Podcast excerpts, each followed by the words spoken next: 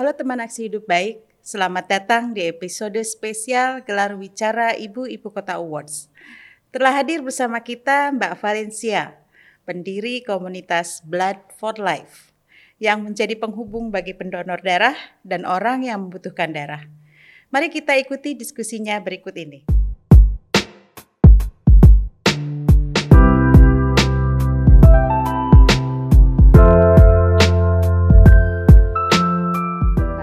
Valencia, apa kabar? Alhamdulillah, baik Alhamdulillah. Ibu, seneng banget bisa Ya, ketemu Ibu Terima langsung. kasih banyak sudah mau meluangkan waktu untuk kami uh, untuk ngobrol-ngobrol nih tentang kegiatan uh, sosialnya Mbak Valencia yang Iya. kayaknya pas saya lihat tadi barusan nih banyak banget ya. Valencia Care Foundation. Iya betul. Ada Blood for Life, ada, Ada Rumah Harapan Harap- Rumah Harapan. Iya, Rumah Harapan Terus ada lagi. Little Angels. Three Little Angels, Three betul. Little Angels. Iya. Nah, eh, mungkin Mbak Valencia bisa cerita sedikit tentang Blood for Life nih. Iya. Blood for Life itu eh, awalnya bisa terbentuk gimana ceritanya? Iya, jadi Blood for Life sendiri ini sebenarnya terbentuknya eh, karena terinspirasi dari ibu saya. Ibu saya kanker, cuci darah dua hari sekali. Setiap tiga hari itu kita harus cari darah waktu itu. Setiap tiga hari Iya. harus cari darah. karena eh, eh, waktu itu gagal ginjal dan kanker kan. Nah, waktu saya cari darah saya merasa sebenarnya di luar sana banyak sekali orang yang rindu untuk berbuat baik, mau membantu, tapi mereka nggak tahu siapa yang mau dibantu. Nah, pada saat yang bersamaan waktu saya lagi di rumah sakit nungguin ibu saya, tiba-tiba ada ibu yang pendarahan, terus keluarganya panik cari darah, nggak dapat donor dan akhirnya ibu itu meninggal. Saya ngerasa oh my god gimana ya caranya bantu orang-orang seperti ini gitu. Di luar sana banyak banget orang yang eh, crying for help gitu tapi mereka nggak tahu masih cari bantuan ke mana. Nah saya merasa bahwa darah ini kan sebenarnya ada dalam tubuh setiap orang Setiap orang. Iya, setiap orang bisa jadi pahlawan buat orang lain. Cuman karena mereka belum tahu caranya, jadi mereka belum mendonor gitu. Jadi akhirnya saya memutuskan untuk oke, mulai saat ini saya mau bikin uh, wadah yang bisa menjembatani antara orang yang mau mendonor dengan orang yang uh, membutuhkan donor gitu. Nah awalnya itu saya bingung mulai dari mana karena saya kan Mm-mm. emak-emak biasa, ibu rumah tangga biasa, nggak punya kantor, nggak punya karyawan, nggak punya dana, mulainya dari mana gitu, nggak ngerti. Tapi saya ingat, saya punya blog, blog itu dulu namanya sillystupidlife.com. Silistupidlife.com. Iya, banyak yang baca. Dari pembaca-pembaca saya inilah kemudian saya bilang gini, mau nggak kalian kalau saya bikin komunitas yang bisa menjembatani orang untuk mau ber- me- mendonorkan darahnya. Wah semuanya mau. Jadi kami mulai dari 44 orang yang baca blog saya itu di tahun 2009 dan dari se- 44 orang ini kemudian menjadi gerakan snowball yang akhirnya sekarang berkembang menjadi 180 ribu standby donor di seluruh Indonesia. Standby donor 180. 180 Yang ribu. 44 itu dari kenalnya lewat blog. Iya, belum pernah kenalan, belum Jadi pernah ketemu. pernah ketemu sama pernah. Jadi saya berpikir gini, internet ini dunia yang amazing banget. Dunia tanpa batas, tidak ada batasan strata sosial, status pendidikan, agama, apa pun. In internet everybody connected gitu. Saya merasa bahwa ini platform yang bagus untuk menghubungkan orang-orang baik di luar sana. Banyak orang pengen berbuat baik. Everybody wants to be a hero, tapi tidak ada wadahnya, nggak ada yang menjembatani, ada yang menyambungkan. nyambungkan. Jadi saya berpikir, kenapa harus menunggu orang lain? Saya yang mulai. Sebenarnya kalau nolongin orang itu menurut saya justru kita nggak nolongin orang lain.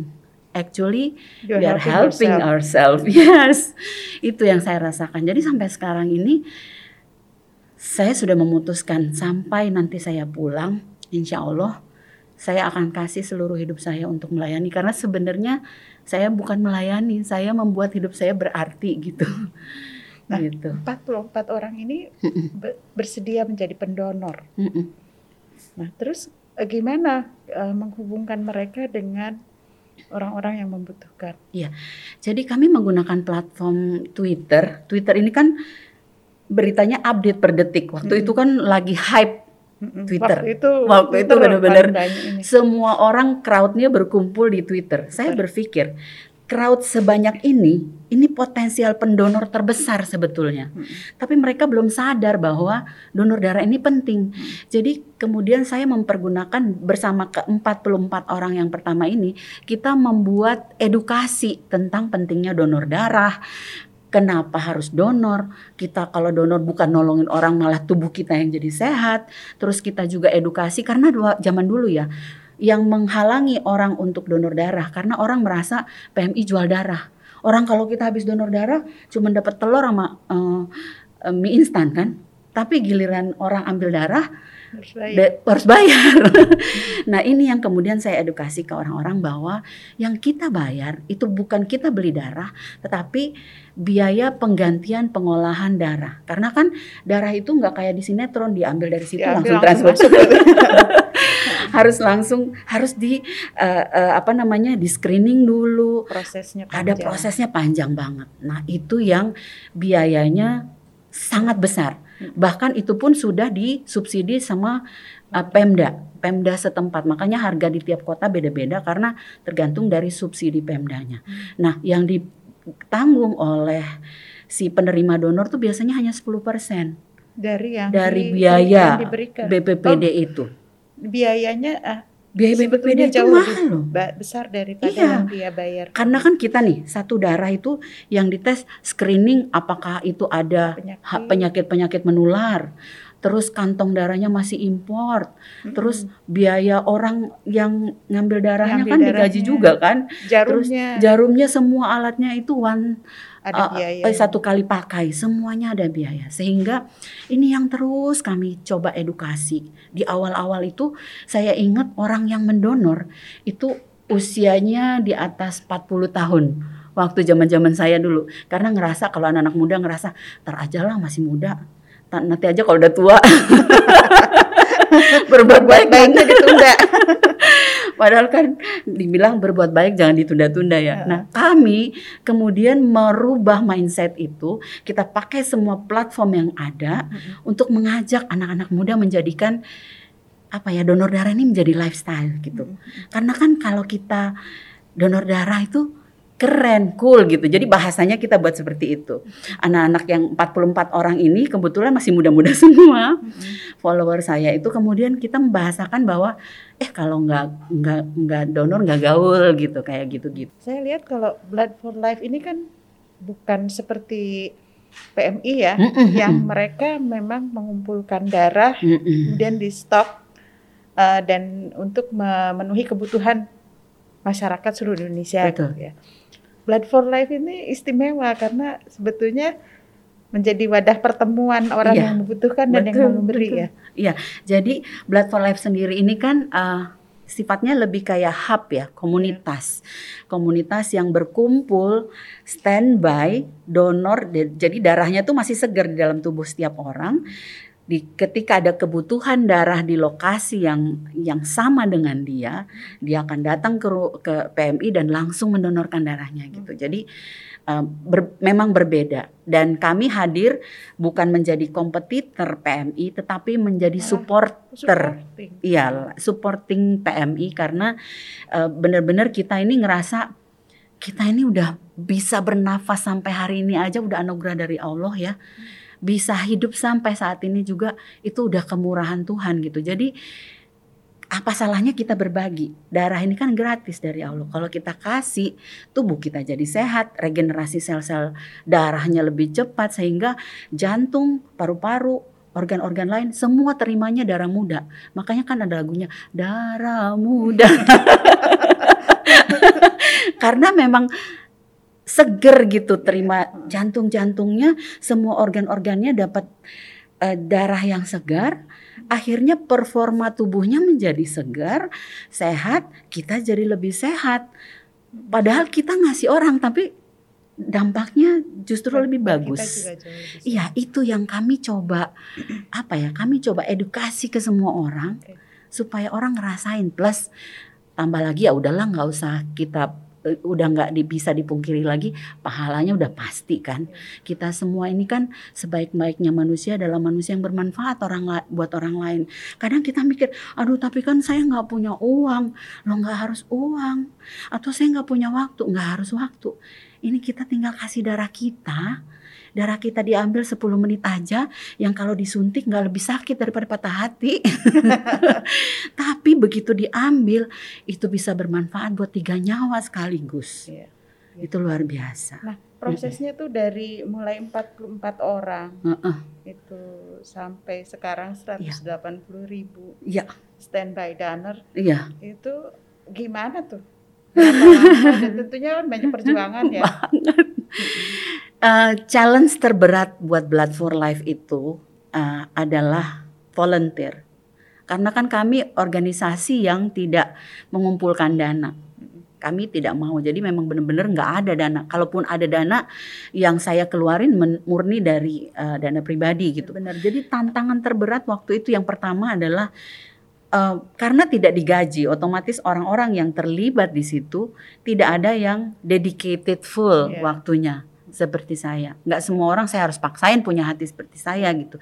Jadi they come and go. Dan kalau tim udah kebongkar gitu, nyari orang lagi tuh susah banget, susah banget. Saya berusaha untuk tetap komit, berusaha nunjukin menjadi role model. Saya nggak terlalu banyak maksain orang karena saya pikir itu it should become from their heart gitu, harus benar-benar datang dari hati mereka kalau mereka mau ngikut. Jadi saya uh, apa mengajaknya dengan menjadi role model aja gitu berusaha terus menerus ada bencana di mana saya hadir biasanya begitu jadi saya selalu tunjukin bahwa saya ini benar-benar berdedikasi dan saya harap hati gitu ya. iya saya harap semua orang bisa merasakan karena nikmatnya berbagi itu walaupun bukan uang itu priceless Iya.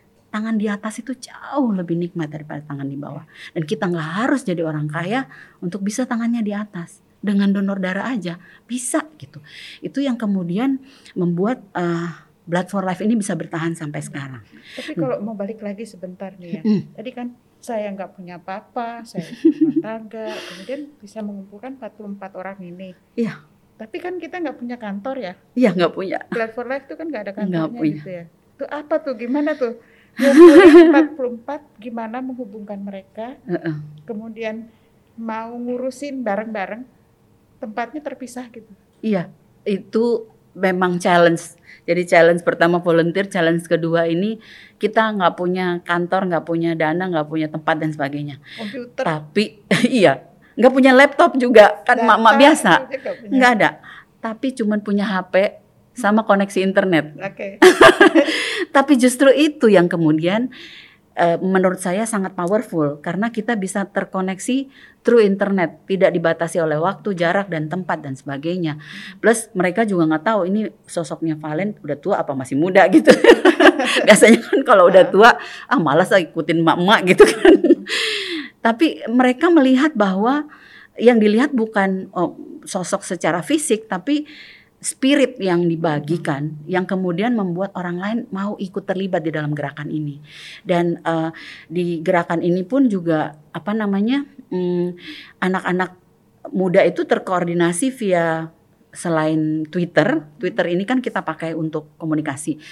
Udah ada WhatsApp waktu itu. Jadi WhatsApp jadi dulu sebelum WhatsApp ada kita lewat eh, apa email Iya. email list. dulu mailing list zaman-zaman kita Zaman dulu kan Kita masih mailing list. iya zaman kita masih mailing list sekarang dimudahkan dengan ada WhatsApp jadi kita udah ada WhatsApp grup khusus untuk divisi edukasi divisi ini divisi ini divisi ini divisi ini semua ada Berarti sekarang berkembang ya. sudah Lebih berkembang terorganisir. betul Dari awalnya cuma menghubungkan, Iya. kemudian sudah ada divisi-divisi sekarang. Iya. Nah, sekarang yang menjadi kendala kemudian adalah pada akhirnya saya mulai kelelahan setelah apa nih timnya mulai up and down, bergantian. Saya mesti training lagi, mesti ganti lagi itu tuh uh, sangat melelahkan. Jadi saya berpikir mulai tahun ini nih, saya harus kan saya juga fokus di Rumah Harapan Indonesia. Saya harus pikirin perpanjangan sewa rumah banyak banget rumah ini.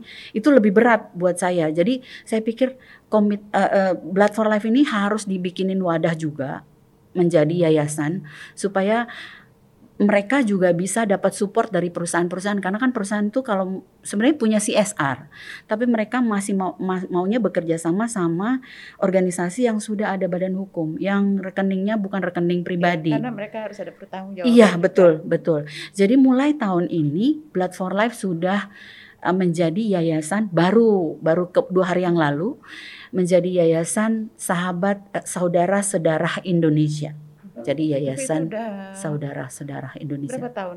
12, 12 tahun. Berarti stamina-nya luar biasa. Iya, berat sih berat Ibu, berat banget. Kadang saya ingin menyerah. Oh, saya ada cerita seru banget.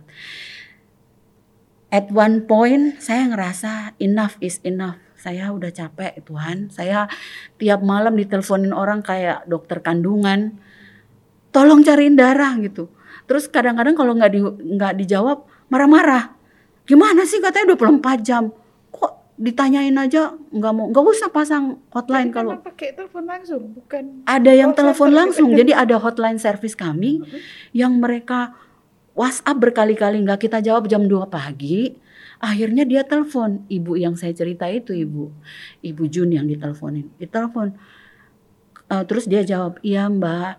Terus dia bilang tahu nggak sih ini urusan nyawa? Kenapa jawabnya males-malesan gitu? Nggak usah jadi hotline service. Kalau dimarahin kayak gitu kita ngerasa. Dia telepon saya mbak saya capek mbak saya mau nyerah. Aduh kalau tim saya udah nyerah saya ngerasa kayak saya menyusahkan mereka gitu.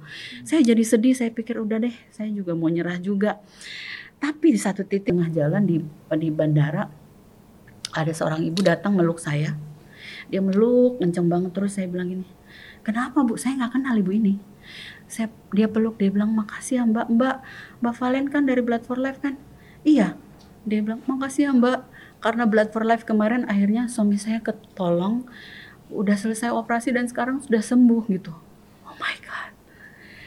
Aku langsung rasa Tuhan saya baru kena sedikit aja sentilan kok saya mau berhenti? Ini ternyata apa yang kami lakukan di Blood for Life udah kasih harapan baru buat orang lain. So saya nggak boleh berhenti gitu. Jadi sejak itu saya nggak pernah berhenti. Saya pikir apa pun kendalanya kalau Tuhan sudah menggiring saya untuk bikin gerakan ini God will provide okay. gitu ini berarti Blood for Life itu sudah menyelamatkan banyak nyawa Alhamdulillah ya. Dan itu yang membuat semangat iya.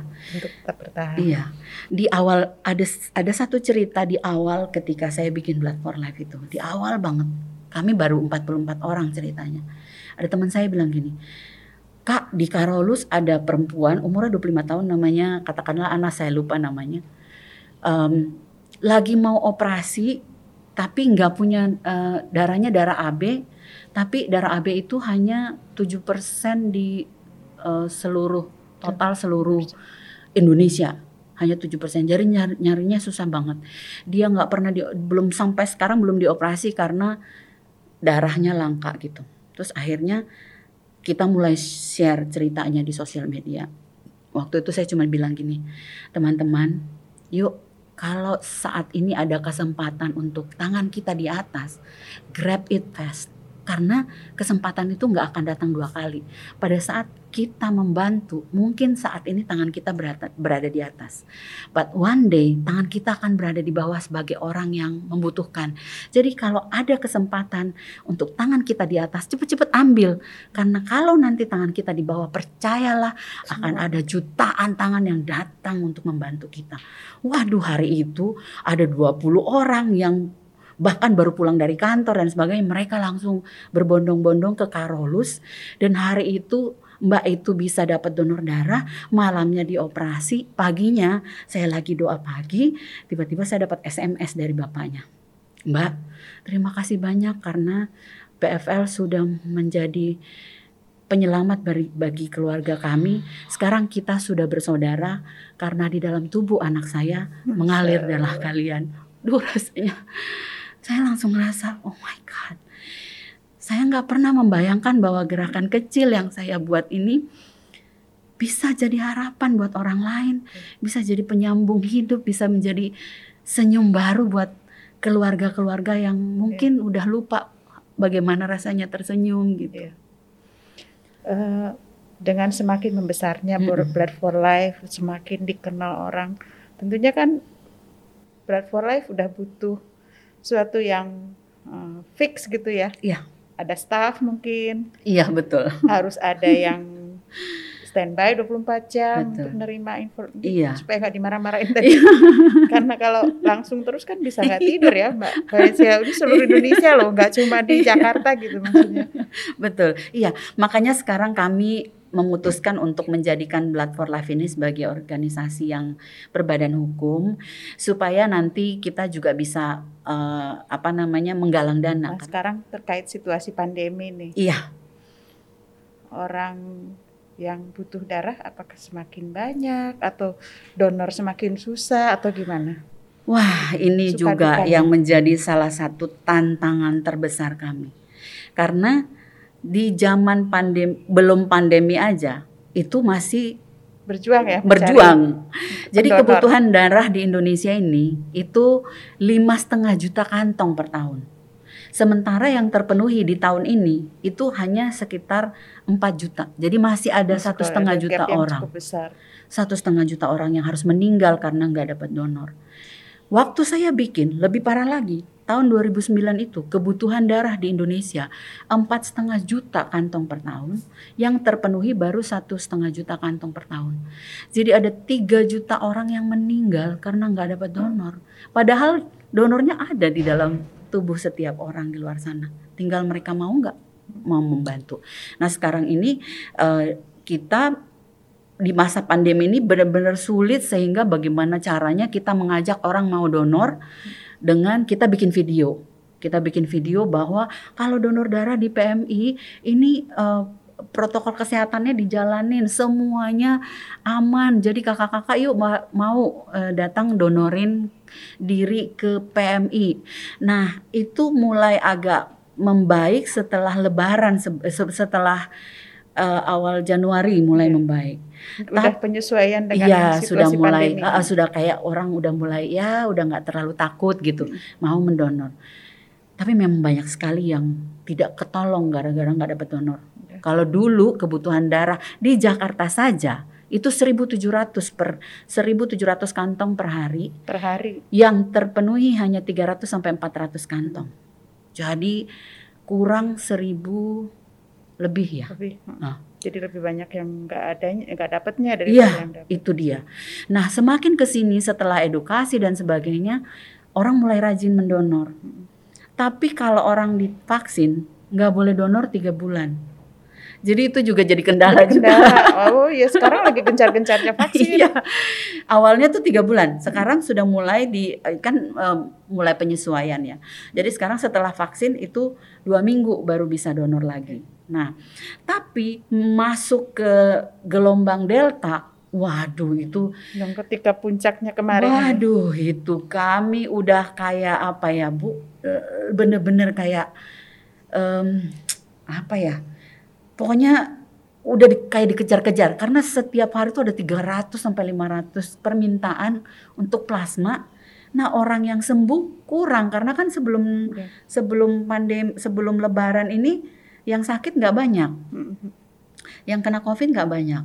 Begitu uh, selesai lebaran gelombangnya gede banget yang survive gak ada, jadi iya. pendonornya kurang. Nah Dan itu, itu kan uh, sekarang ini ada donor plasma konvalesen. Plasma ya? Iya ini plasma itu yang, konvalesen. Uh, kebutuhannya meningkat dan nggak ada sama sekali. Uh, tapi setelah itu kan karena memang pen, ini yang sakitnya banyak sekali, begitu men, uh, dua minggu setelah itu kan berarti udah banyak yang sembuh tuh.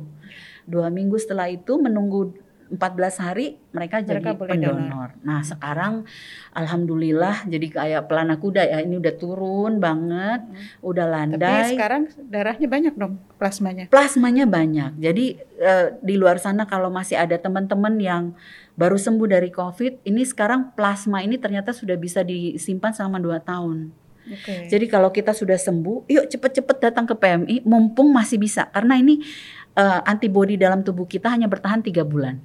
yang eh, saya ngerasa bahwa ada orang yang mau repot-repot ngurusin orang lain nggak dapet apa-apa gitu dalam dalam arti materi ya Ya, betul. dan malah mungkin harus merogoh kantong sendiri Iya. untuk ini.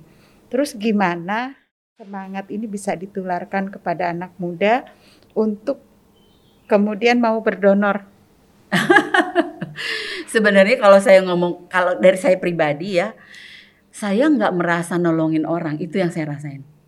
It changed my life, ibu, so much. Karena setelah saya melakukan kegiatan sosial ini, dulu nih, dulu, kalau saya, saya tuh rasanya kayak hidupnya susah terus. Kurang ini, kurang itu. Kok hidup saya nggak kayak orang lain? Orang lain bisa jalan-jalan ke Singapura, saya ke Bali aja belum gitu. Tapi setelah saya berbuat baik, saya nolongin orang, saya nggak berharap apa-apa.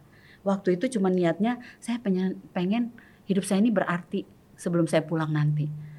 Tapi kemudian saya malah dapat undangan ke Amerika.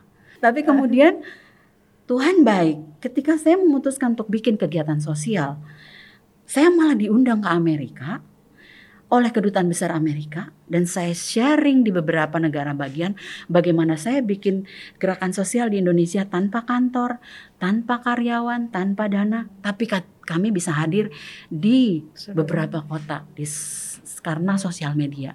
Jadi waktu itu saya diundang ke sana tuh temanya social media for social good. Dan di sana saya diperlakukan seperti tamu kebesaran gitu. Padahal saya siapa li mama biasa yang di rumah ngobrolin tam, tomat tewe, cabai keriting hari ini masak apa gitu. Tapi di sana saya dimuliakan luar biasa. Jadi saya berpikir gini, Ya. saya belum melakukan apa-apa aja, Tuhan udah kasih saya berkat berkelebihan. Jadi saya nggak perlu takut sama masa depan saya. Saya pulang, saya mau kasih sisa hidup saya ini yang saya nggak tahu berapa tahun lagi supaya bisa bermanfaat buat banyak orang. Mbak Valen, boleh dong eh, bagi-bagi semangat sama anak-anak Oh, muda iya. barangkali. Tadi kayaknya senang banget deh datang sini banyak relawan anak muda. udah donor belum? Udah donor belum? saya itu ibu, karena kalau saya bilang sama tim saya gini, ini anak-anak muda adalah calon pendonor terbesar negara ini. Mm. Negara ini bakalan bakalan selamat kalau anak-anak muda ini mau mendonor. Jadi kita masuknya ke kampus-kampus. Kita masuk ke kampus-kampus, ke sekolah-sekolah, ke komunitas anak-anak muda, komunitas sepeda, komunitas apa pun. Kita tebarin virus kebaikan sama mereka. Cari kesempatan untuk selalu bisa terlibat kegiatan sosial. Karena kalau kita terlibat kegiatan sosial nih, apa pun yang kita rencanakan ke depan, itu akan dimudahkan jalannya. Itu akan dimudahkan. Rezeki, kesehatan, jodoh. Jodoh, yang paling penting. Jodoh yang paling penting pemirsa. Ini kakak-kakak ya. Karena gini aku pernah cerita ya. Ada temanku, dia dia bilang, "Aku Kak, aku tuh sebenarnya ngincer nih cewek udah lama banget. Tapi kok dia nggak pernah ngerespon aku." Satu ketika, Kak, aku posting lagi donor darah. Eh, cewek itu ngeping aku kata dia gini. Ih, kamu donor darah ya? Baik Aduh. banget. Darahnya aja didonorin apalagi hatinya ya. Gitu terus kita bilang sama anak-anak perempuan kalau kalian cari jodoh cari yang suka donor darah kenapa kalau dia udah donor darah berarti darahnya bersih dari sipilis HIV AIDS Ya, karena di, di screening ya. iya di screening berarti kan hidupnya bersih Masih. nggak macem-macem terus Satu, satu kali donor darah Mm-mm. kita bisa menyelamatkan tiga nyawa sekali tiga nyawa. Mm-mm. Oke. Dan biasanya kan ada batas waktu ya. Berapa lama kita bisa mendonor? Iya, kalau dalam satu tahun itu dulu tiga bulan, tiga bulan sekali donor. Kalau sekarang satu tahun itu eh, bisa enam kali, karena dua sekarang dua bulan sekali Dua sudah bulan bisa sekali donor. bisa. Iya, Jadi setahun enam kali. enam kali. bisa selamatin 6 kali 6 tiga. kali 3 18 nyawa Ibu. Kebayang nggak? 18 nyawa ini mendoakan kita. Bayangin doa banyak orang nih 18 Yang orang ini keadaan di dalam setiap langkah kita ada 8 orang 18 orang yang mendoakan.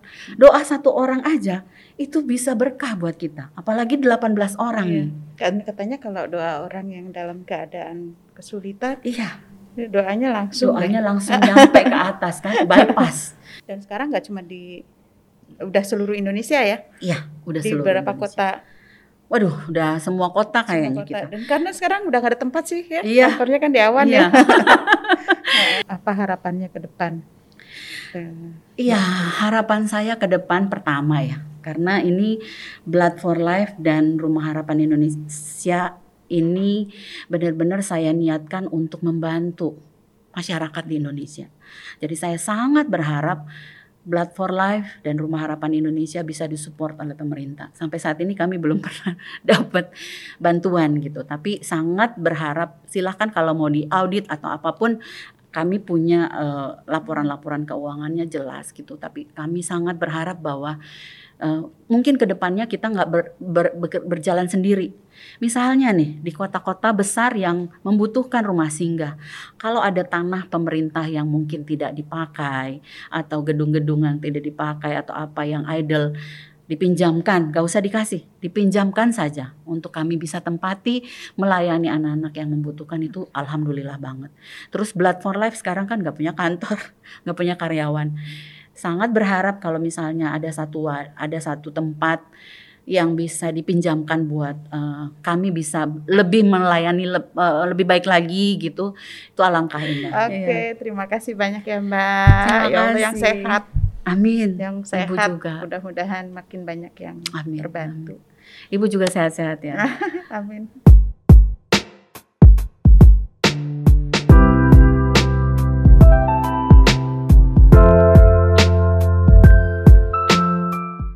Teman aksi hidup baik dari cerita Mbak Valencia, kita jadi paham tentang betapa berharganya setetes darah untuk keselamatan hidup orang lain. Semoga cerita hari ini menginspirasi kita semua untuk ikut menebar aksi hidup baik bagi sekitar. Demikian cerita kita hari ini. Nantikan episode spesial lainnya. Sampai jumpa. Didukung oleh Plus Jakarta, Blood for Life, PT Jaya Konstruksi Manggala Pratama Tbk, PT Paragon Innovation and Technology, Batik Betawi Shop, Seraci Batik, Batik Marunda, Keluarga Batik Betawi, Rumah Betawi,